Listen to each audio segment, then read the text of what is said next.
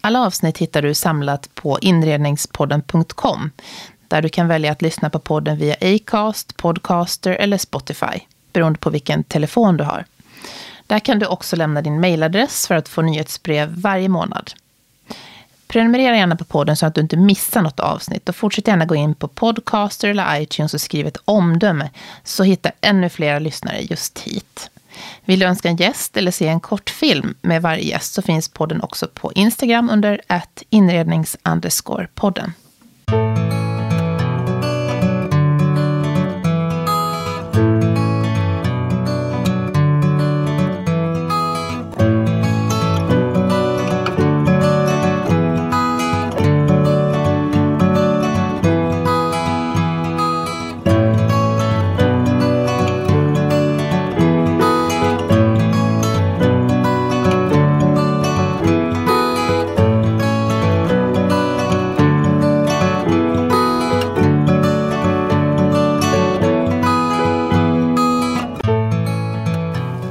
Tänker du på när du hör namnet Jobs? Jag tänker på blomstrande handtryckta tyger, hemslöjden i Leksand och Dalarna där jag är uppväxt. Men för många är namnet ganska okänt. Systrarna Lisbeth och Gocken Jobs blev internationellt kända för sin keramik och sina textilier under 40-talet.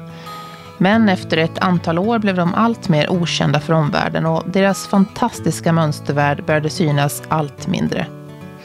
Men nu är de aktuella igen med en nyutgiven bok om systrarnas konstnärskap skriven av Hedvig Hedqvist och Kristina Mattsson. Samtidigt pågår en utställning på Thielska galleriet i Stockholm och en klädkollektion med deras mönster är precis släppt hos hypade modedesignern Rådebjer. Då säger jag välkommen till Inredningspodden, Kristina Mattsson och Hedvig Hedqvist. Tack så mycket. Tack. Vilket, vilket, vilka, vilket power team jag har mitt emot mig. Mm, verkligen, eller hur? Ja, det kan man fråga sig om du har. Men vi försöker. Ja, jag är mycket, mycket glad att få sitta här med er idag. Hemma hos dig, Kristina, omgiven av en otrolig eh, inredning och konst och ja, mycket vacker miljö.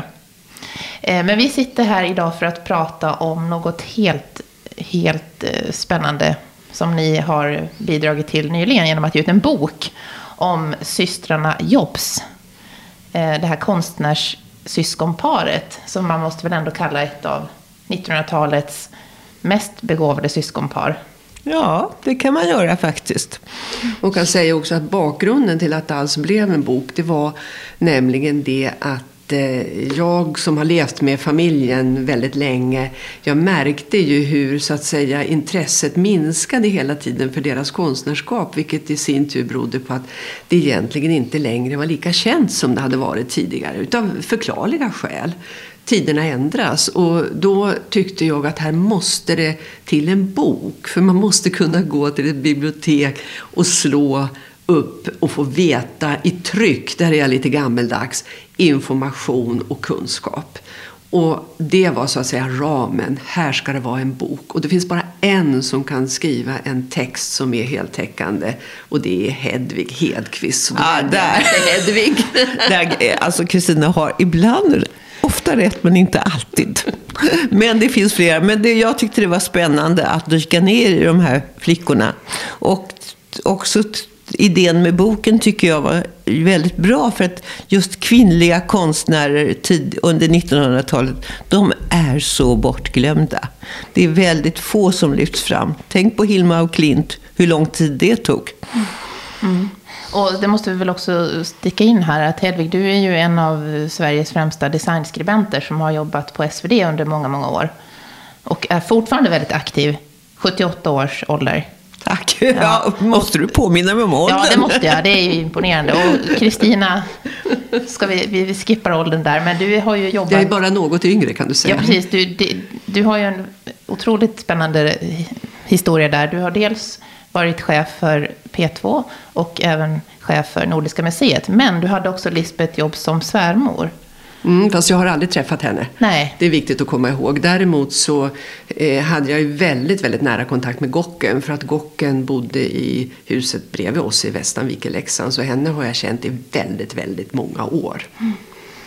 Eh, och den här boken som ni har kommit ut med alldeles nyligen, den heter Jobs, keramik och textil.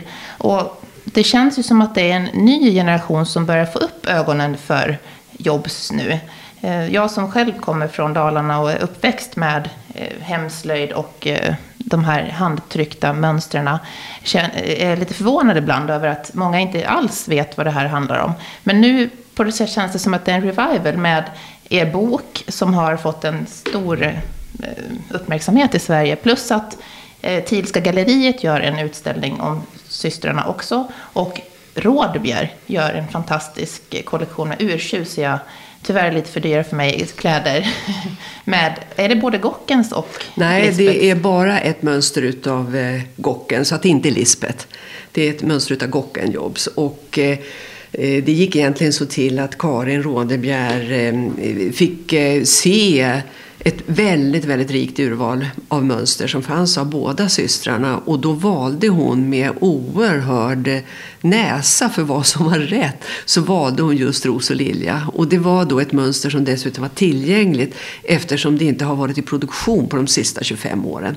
Hade det varit ett mönster som var så att säga avtalat att någon redan hade tryckrätten då hade hon ju inte kunnat fått använda det.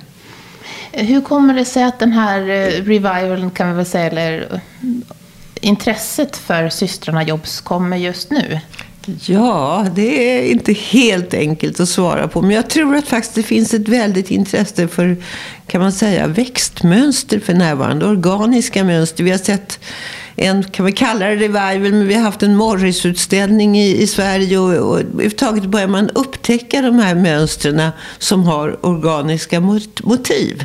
Och då tror, ligger ju faktiskt, för att inte tala om intresset för Josef Frank som har pågått i ett tiotal år nu med internationella utställningar. Så det, det här finns just och då kommer ju Flickorna jobb som kan man säga för väldigt många som en nyupptäckt.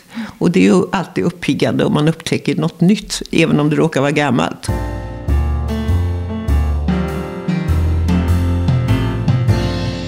Familjen Jobs var ju en, och är en stor konstnärsfamilj. Men eh, Gocken och Lisbeth, de hade ju fem syskon också då. Ehm, hur, hur, hur började allt? Kan inte eh, du berätta historien om om eh, deras bakgrund? Alltså bakgrunden är ju, handlar ju om en, en mamma och en pappa. Som bägge två kan man säga var konstnärer inom citattecken. Pappan var musiker, han var, blev organist i Falun. Men, och mamman hade faktiskt redan på 00, i slutet av 1800-talet börjat på Tekniska skolan. Alltså Konstfacks föregångare. Så hon hade en konstnärlig utbildning. Och så hamnar hon i Dalarna med pappan som, när han blir organist där i Falun. Och fler och fler barn kommer och hon deltar i försörjningen. Och hon behöver ha någonting att göra också kan man väl gissa. Och hon eh, börjar brodera fritt, vilket var liksom det moderna då i början av 1900-talet. Hon är absolut modernist i 1900-talets tidiga tappning. Så där finns en start till det hela. Men hon hade ingen kontakt med, med Karin Larsson? Jag tänker på, de fanns ju ändå Inte i... vad vi vet Inte vad vi känner till. Nej, Nej det Nej. tror jag inte. Nej. Nej. Men och dessutom hon... tror jag inte hon kanske hann. Vi ska betänka att hon hade, fick ju väldigt många barn i väldigt tät följd. Ja. Och det är en kvinnofråga om man ska hinna ta den typen av kontakter eller inte. Ja, och frågan är ju hur mycket Karin Larsson bodde på 1900-talet i i, i lilla Hyttnäs. Hon bodde ju ganska ofta i Stockholm. Mm. Så att, menar, det var inte geografiskt så enkelt som det kan låta nu för oss. Nej, och sen så blev eh, det här äktenskapet mellan Gocken och Lisbeths föräldrar blev, eh, slutade i skilsmässa. Och då så flyttade de till Stockholm. Stockholm. Och vad hände med systrarna där? Ja, där är ju det fantastiska att mamma Elisabeth tar med sig de fyra yngsta barnen och äldst av dem är Lisbeth. Och Lisbeth, 16 år, skrivs in på Tekniska skolan. Och hon blir ganska omedelbart frielev för de har ju väldigt ont om pengar. Det börjar med att mamma och de fyra barnen hyr två rum hos en överste. Och mamman skriver också in sig själv. Hon får visserligen betala terminsavgift. Men de, de kommer, kan man säga, i en väldigt psykologisk tidsperiod. För just 1925, då Sverige har haft stora framgångar på Parisutställningen, då det faktiskt också börjar komma en modernism även i undervisningssammanhang. Och då är då Lisbeth börjar på Tekniska skolan. Och upptäcks säkert ganska omedelbart som en begåvad elev. Men eh, det var väl ganska ovanligt också på den tiden att börja på Konstfack på 20-talet? Inte helt ovanligt. Det var, de hade ganska många elever. Alltså, slöjdskolan startade ju, fyller ju 175 år i år. Konstfack, så att det var inte helt ovanligt. Och framförallt har ju du pekat på att det var ju många namnkunniga elever. Ja, det var väldigt många som sen blev namnkunniga och som Lisbeth var kamrat med eller kamrat och kamrat, men som hon gick samtidigt som. Och de hade väldigt många bra lärare. Ja, vilka var det hon gick samtidigt med då? Ja, med Astrid Sampe till exempel och senare med Marianne Richter och, och Tove Jansson. Tove Jansson. Och, ja. Ja, Tove Jansson är ju häftigt att hon också gick här mm. i Stockholm då. Ja, det var inte så häftigt. Hon hade sina morbröder i Stockholm. Aha. Som tog hand om henne. Jaha. Och fattiga föräldrar i Helsingfors. Så det var fullständigt okej. Okay. Ja, okay. Det som man kanske kan eh, tycka är särskilt häftigt i det här och som Hedviga pekar på i sin text. Det är just precis mamma Elisabeths driftiga roll. Att hon så att säga gav sig den på att hon skulle klara det här. Vi ska komma ihåg att kvinnor hade ju haft rätt att skilja sig i bara tio år när hon flyttade från sin gubbe i Falun 1925. Och hon lyckades driva igenom dem med en envishet utan motstycke se till att alla barn fick en utbildning. Det, det är väldigt starkt, alltså, för det fanns ju inget socialt eh, så att säga, skyddsnät i form av att staten ställde upp med bidrag och sånt. Utan man fick ju klara sig och det gjorde hon. Ja, det var helt fantastiskt. Och då fick de också gå, hon ordnade stipendium och hon såg till att ja, alla barnen fick en utbildning. Om det var hon som ordnade stipendiet vet vi faktiskt inte riktigt. Men hon ordnade i alla fall relationer som hjälpte dem och såg till att det gick. Och det var ju fantastiskt. Och jag tror att man ganska snabbt förstod att det här handlade om begåvade individer. Så och då gick Lisbeth på det som kallas inriktning keramist då? Ja, men hon gick först så lär hon sig teckning och illustration och sen går hon över till, vad är, keramist hette det, men vi säger keramikfacket. Och där gick hon. Men hon hade ju också utbildning i illustration. Och det kanske är en viktig bit i hennes, att hon sen gör tygmönster. Och sen slutar hon där på, på Konstfack och eh, reser runt. Hon får Svenska slöjdföreningens stora stipendium så hon kan resa ut i Europa och ta reda på vad som händer. Hon reser till Berlin, hon reser till Dresden, hon reser, ja, hon reser runt helt enkelt. Och innan dess har hon också arbetat i Köpenhamn, eller utanför Köpenhamn i Köge, där hon jobbar på en keramikfabrik. Så att hon är helt inställd direkt efter Konstfack att skaffa sig, kan man säga, internationell erfarenhet. Och då hade man upptäckt hennes talang eftersom hon fick så bra... Ja, annars hade, hon fick ju bra betyg och hon Precis. fick direkt till ett stipendium. Ja. Mm. Och då samtidigt så kom Gocken in på Konstfack. Ja, hon kommer in på Konstfack ganska samtidigt som Lisbeth slutar. Ja. Mm. Och det tycker jag också är en sån här reflektion man kan göra. Vem, hur mycket mamma spelade in där också. Eh, när hon då rimligen har uppmuntrat sin yngsta dotter att nu ska du göra precis som stora syster gör. För hon följde ju hennes väg ja, exakt. Alltså, det finns ingen ingen tillstymmelse till att göra en avvikelse. Att inte åka på studieresa till exempel. Utan gjorde precis som Lisbeth hade gjort. Mm, mm. Nej, men man kan ju uppleva när man går, liksom, le, går igenom de här två systrarnas levnadsbana och, och framförallt deras konstnärliga karriär. Att Lis, Gocken levde i en bubbla. Hon var jättebegåvad men hon omgav sig med en bubbla. Och det accepterade omgivningen. Och lät henne vara där. Och hon och presterade ju fantastiska ting i sin bubbla. Och hon var yngsta barnet då? Mm.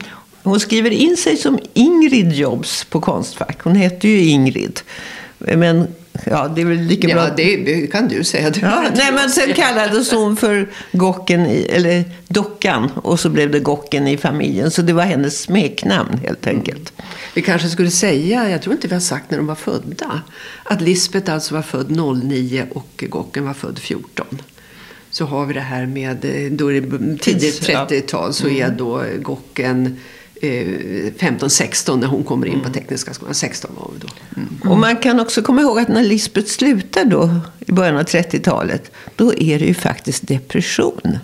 Så att det är otroligt djärvt när hon sen kommer hem från sin studieresa att hon lånar pengar och köper en elektrisk brännugn och sätter upp en egen keramikverkstad. Mm. Och det var ju så märkligt så att hon blir ju verkligen uppmärksammad av dagstidningarna för att hon har gjort detta. Man åker och besöker henne och ser vad hon gör. Och sen kommer då Gocken, när hon är klar, så börjar hon också jobba i samma eh, verkstad. Hon börjar nog redan tidigare att hjälpa Lisbeth, men sen börjar hon också i verkstaden när hon har gått ut Konstfack.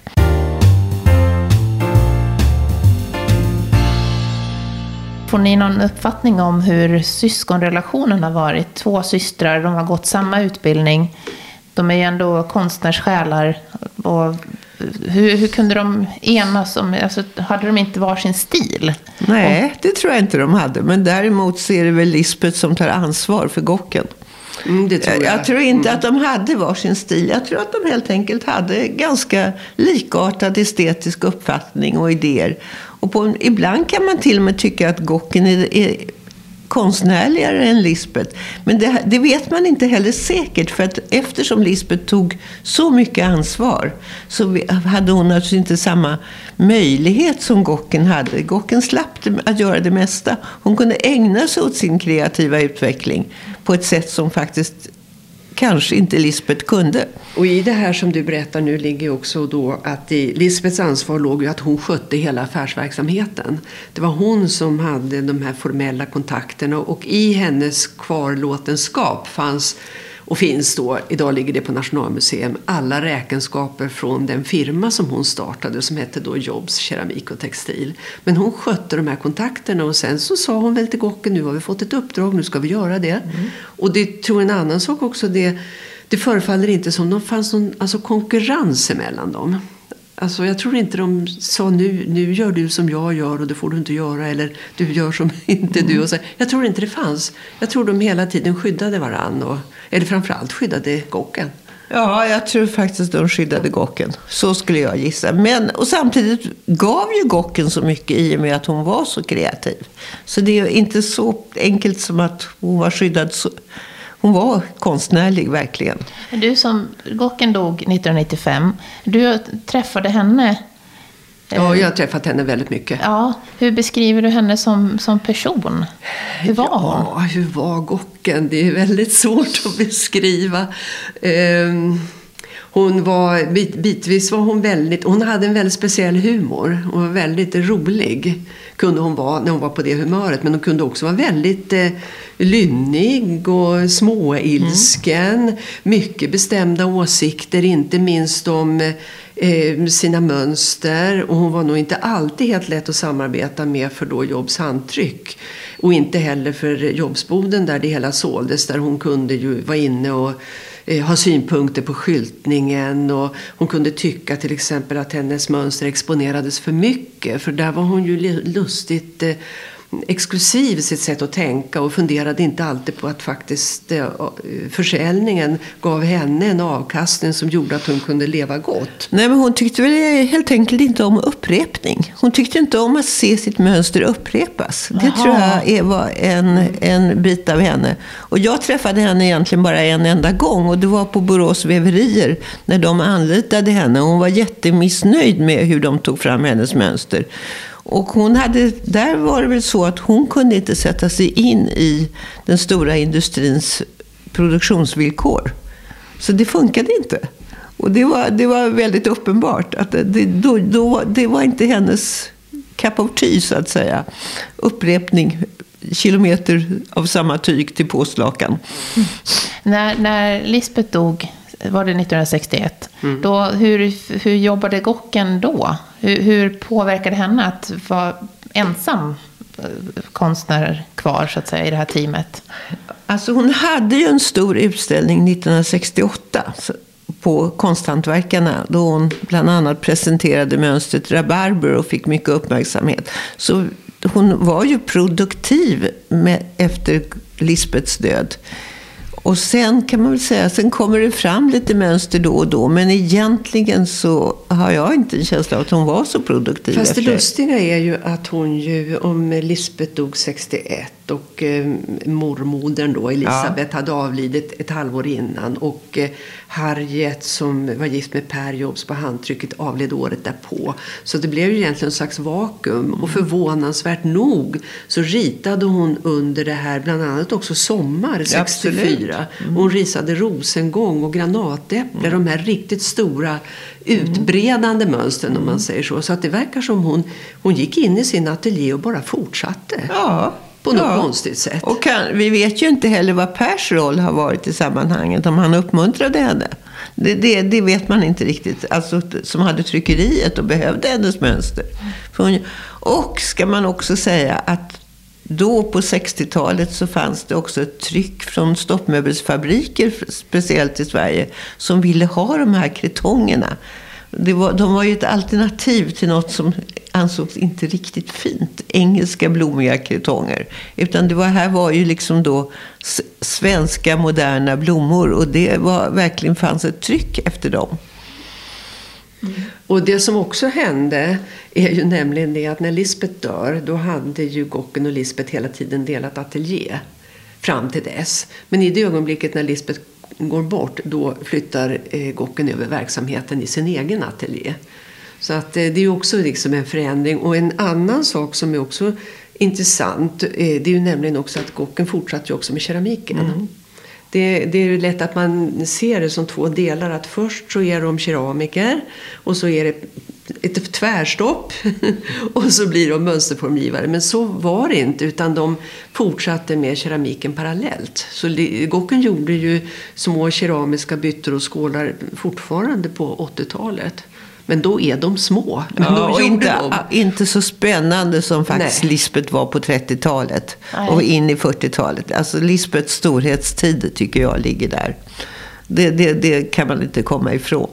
Mm. Och de här fantastiska eh, samarbetena hon har med tidens moderna arkitekter. Antingen de heter Arbom och Simdal som ritat Tössebageriet. Eller vad heter han nu, Hed, Björn Hedvall på Hantverkargatan eller Wallander på, på Fleminggatan. Så att jag menar, det, det var ju stora installationer. Och där var, upplever jag det som att det var Lisbeth som var den drivande. Och där använde man då keramiska plattor? Ja, lite olika. Alltså, man utgick från keramiska plattor och det var väl också en kostnadsfråga för då kunde de ju importera, eller få köpa de här plattorna direkt från Uppsala Ekeby och sen dekorera dem och bränna dem. Så det var ju också en praktisk... De hade ju inte så jättestor kapacitet som man, i en egen liten studio. Så att de hade ju behov av att ha hjälp från industrin i form av leveranser. Och det finns ju faktiskt kvar Tössebageriet i Stockholm. Ja. Mm. Där sitter de här keramiska ja, och plattorna. även HSB-huset på Fleminggatan 41. Det är bara att titta. Mm. Man ser det genom fönstren. Och kan man komma in på Hantverkargatan 7 så får man också se någonting. Jaha. För där är entrén. Det är jättefint. Åh. Ja, okej. Okay. Då får man försöka planka sig in. Ja, precis. Det var vad jag gjorde. Ja.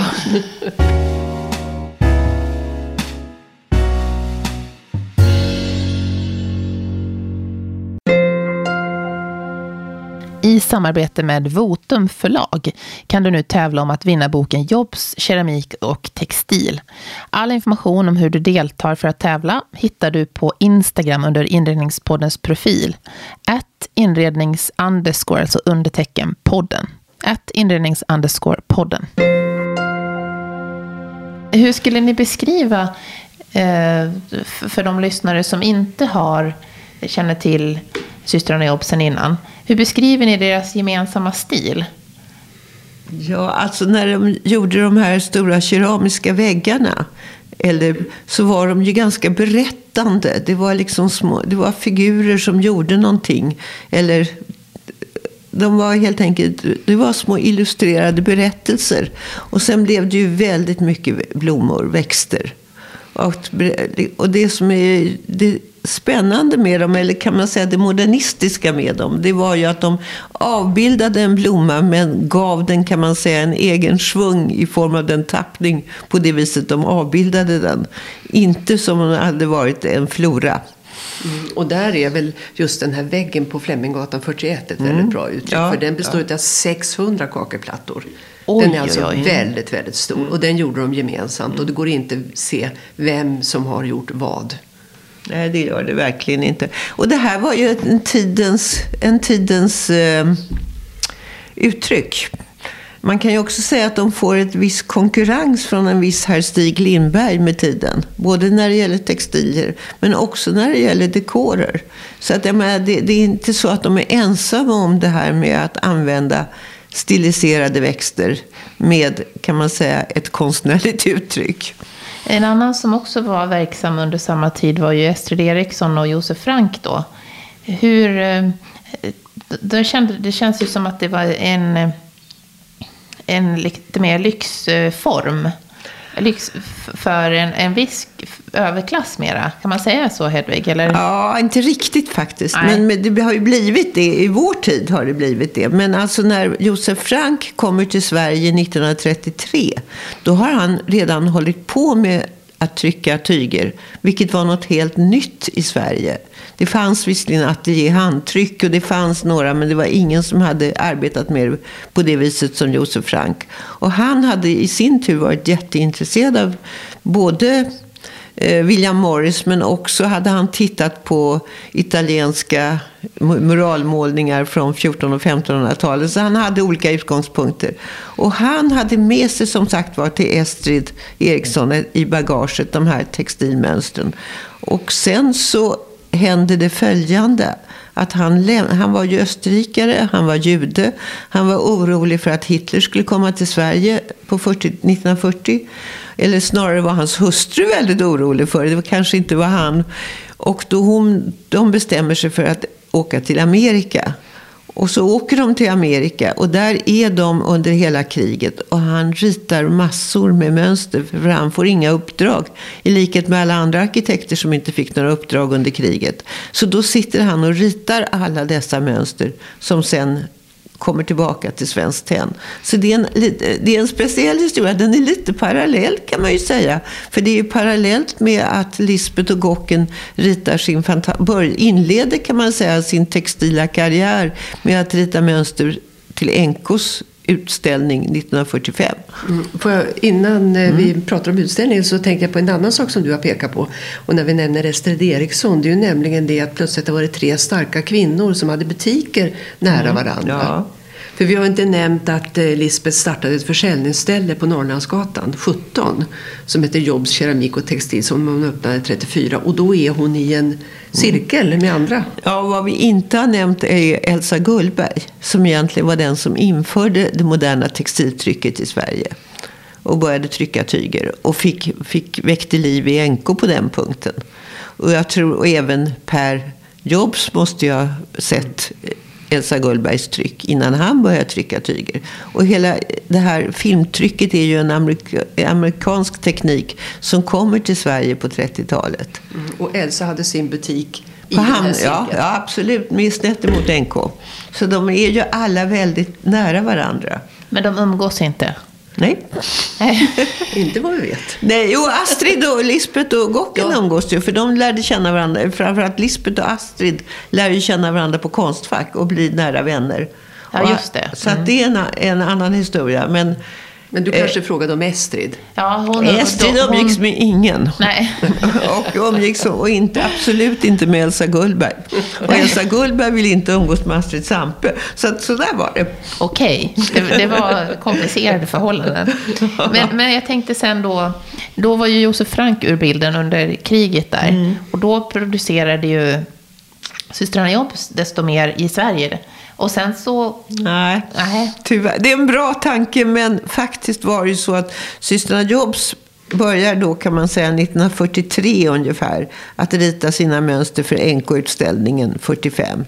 Och då, ungefär samtidigt så får ju Ester Eriksson per post, per båt, 50 mönster från Josef Frank som han har gjort i New York. Ja, just Så det. det är inte Attans. riktigt, det är attans kan man säga. Det är, inte- det är inte, det är, men man det är ju fortfarande, kan vi ju gå tillbaka till funktionalismen. De här nya, bygg, bygg, byggandet kräver att det görs tillägg i rummen.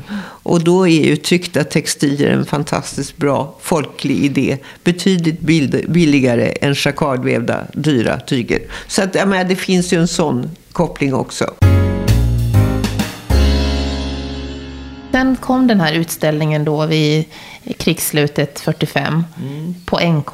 Var det ett, så här, ett, ett stort, eh, en, en stor succé på den tiden? Ja, det kan man väl säga att det var. Och det, alltså den otroliga kan man säga, djärvheten av NK var ju att de gjorde utställningen drygt 50 dagar innan det var fred. De går ju ut med den i mars månad och freden kom ju inte förrän i början av maj. Så NK som alltid ville vara först med allt bestämdes för också att vara först med freden kan man säga. på sitt sätt. Och då, jag menar, för pressen var det ju här en fantastisk grej att det, detta hände.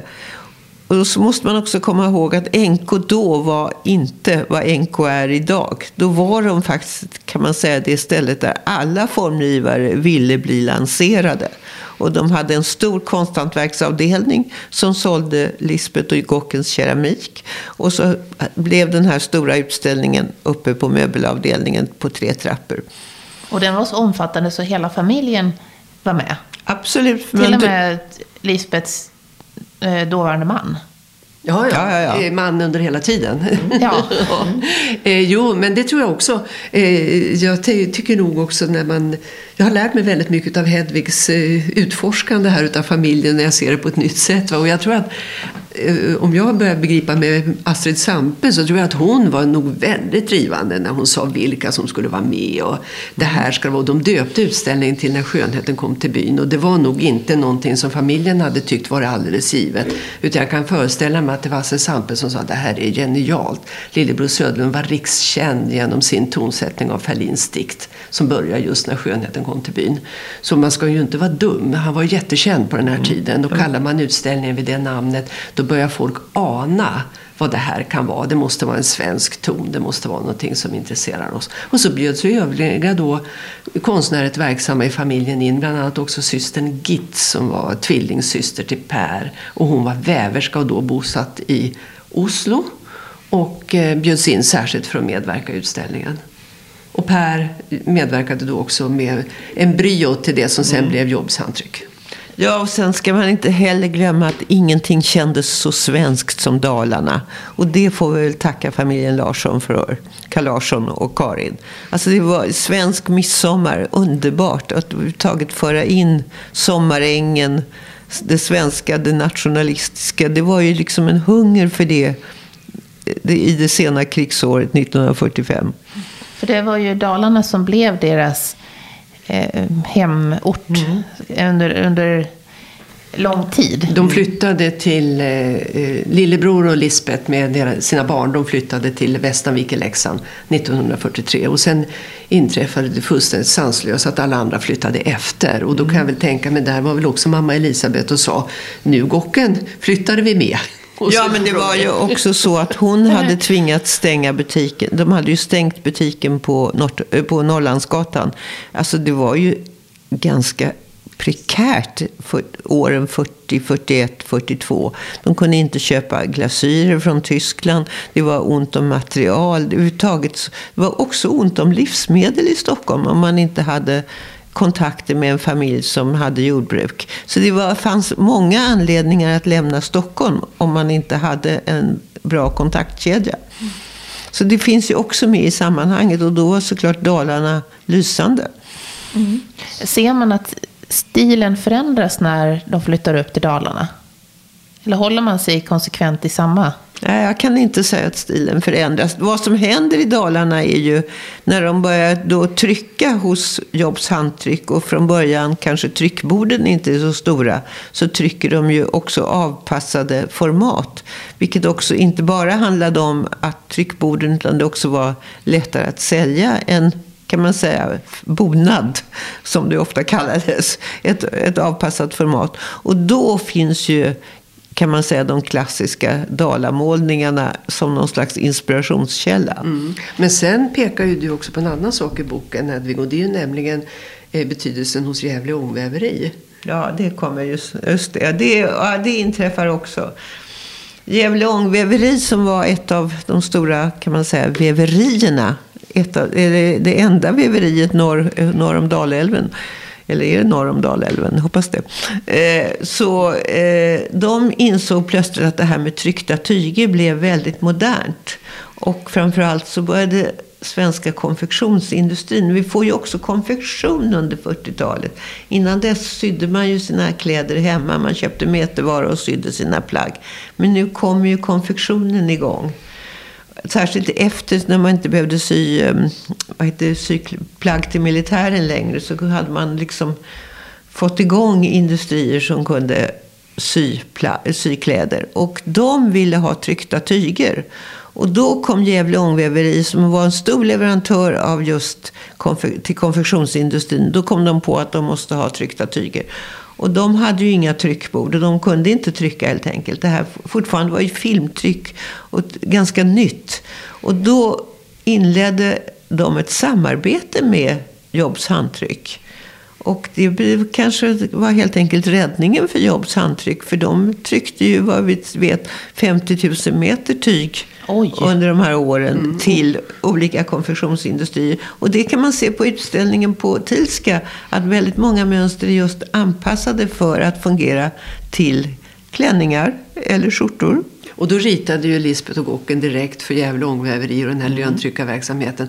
Många av de här småmönstren som mm. sen har blivit så älskade. Det är smultronblom, det är Eh, det är karameller, det är blåbär. Är det smällkaramellerna? Ja. Nej, nej, nej, nej, nej. Nej, de kom sen ja. De är inte ritade utav Lisbeth och Gocken. Nej, okej. Okay. Mm ah, Den som jag har. Det är din barndoms smällkarameller. Ja, precis. Mm, jag förstår. Men just de här småmönstren som mm. är så väldigt många i ja, då din generation kanske hade i barnkläder. Men ja. från början då avsett för konfektion. För. Ja. Och, och på ofta material som mm. var, vad heter sånt där? Lite? Ja, men det var ju, under kriget fanns det ju ingen bomull. Så det var ju eh, helt enkelt eh, viskos. Mm. Alltså skog, material från skogen. Ja. Cellull heter det också. Med ja, ett sämre det. namn. Men det kallas viskos. Vistra hade sådana olika namn på det. Men eh, sen kom ju bomullen och då trycker man på bomull. Men sen i början av 50-talet så kunde de inte konkurrera längre. Och då upphörde Gävle ångtryckeri. Och det var naturligtvis ett slag för, för eh, Jobs handtryckeri. Men lyckligtvis fanns det någonting annat. För nu har det börjat hända någonting. Succén hos NK fick, var strålande. Men NK tog en helt ny inriktning bara året efter. Redan 1946 började de intressera sig för någonting annat. Och inte för Lisbeth och Gockens mönster speciellt. Vill säga, de tyckte, ville gärna ha kvar deras mönster i produktion om de trycktes hos mästertryckaren Ljungberg.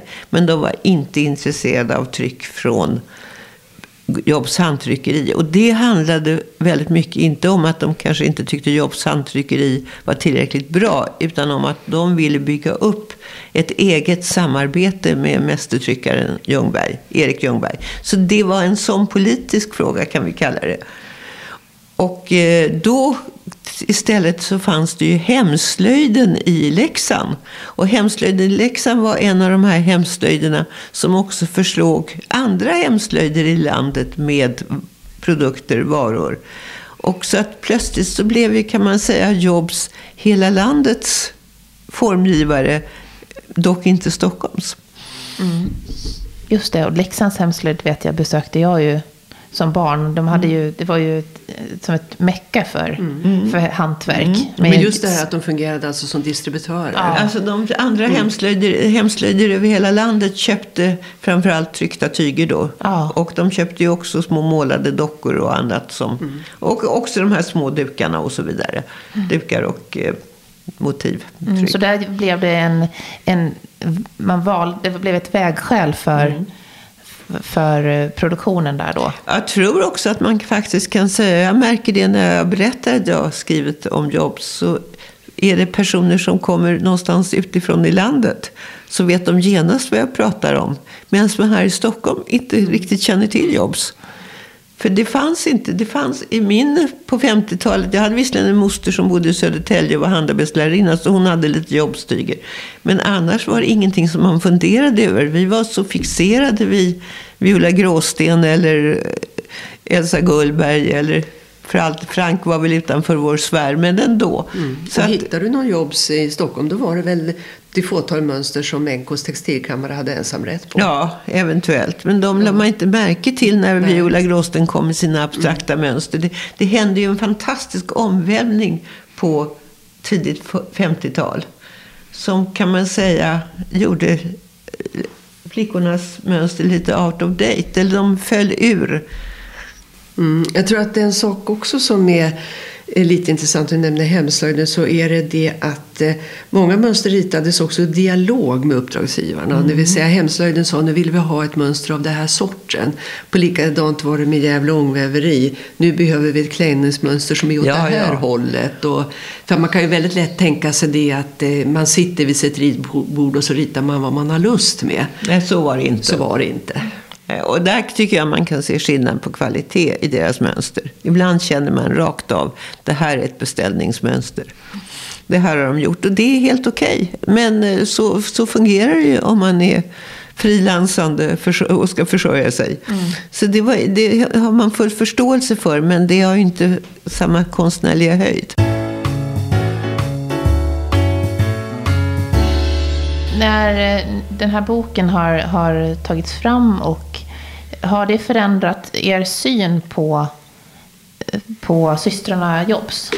För mig så har det ändrats på så sätt att jag är ju så att säga delvis fostrad i familjen där det finns en familjehistoria som ger en beskrivning. Va? Och i och med att Hedvig kommer in med ögat utifrån så ser jag saker på ett sätt som jag inte har sett förut. Va? Bland annat eh, skildringen av eh, Gocken som mer skyddad, Lisbeth som den som har varit drivande. Jag har aldrig reflekterat över det förut så att därför så tycker jag att eh, Hedvigs text ger en helt ny dimension som har varit väldigt, väldigt bra att få.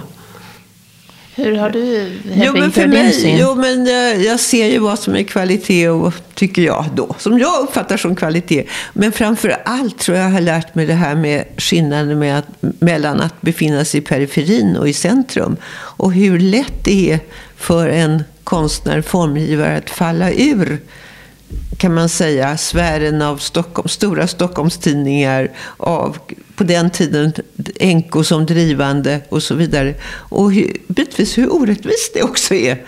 Men också det här, ja, hur, Alltså det är, typexemplet är ju egentligen att Lisbeth och Gocken inbjuds av Svenska slöjdföreningen att vara med både i Paris 1937, alltså på världsutställningen i Paris 37, på världsutställningen i New York eh, 39 och 1939. Och de blir också utvalda, vilket är ännu elegantare tycker jag, av den stora Golden Gate-utställningen i San Francisco att delta. Och då är det San Francisco som väljer dem, inte vi som väljer vilka, vem vi skickar. Men sen kommer vi fram till H55 som är den sista stora, kan man säga, moderna utställningen inom svensk eh, svensk form, svensk formutveckling. Och där är de inte med. Och det är nere i Helsingborg Det är då? Helsingborg, ja just det. Och det är ju lite chockerande. Och jag tror faktiskt att också Lisbeth var chockad av det. Eller jag upplever det som det när jag ser hennes noteringar. Och sen åker hon ju hem och gör ett jättefint mönster. Som nästan svar på att hon inte fick vara med. Nämligen Aurora. Ja, Aurora, just det. Ja, just det. Men eh, det är också fascinerande nu att det, det ändå känns som att det är revansch för dem nu. Att man ser att det finns en... eh, När nu man, och framförallt jag har sett helheten här, vad som var ur deras mönsterskatt. Mm. Det roliga är ju det att eh, de rapporter jag får från Tilska galleriet är ju att folk går man ur huset. De har otroligt många besökare. Och det är dels så kommer busslaster från Dalarna med damer som ska titta. Men alltså att det, det drar också en ny publik och som upptäcker. Så att eh, Ja, det man kan hoppas är väl nämligen det att det ska komma ett eh, efterfrågan på många av de här gamla klassiska mönstren så de kommer i produktion igen. Ja, det får man väl hoppas. Ja. Och framförallt några som kan distribuera dem. För vi är ju inte bortskämda längre med att vi kan gå in och köpa metervara någonstans. Nej, Som det- var så självklart för 30 år sedan.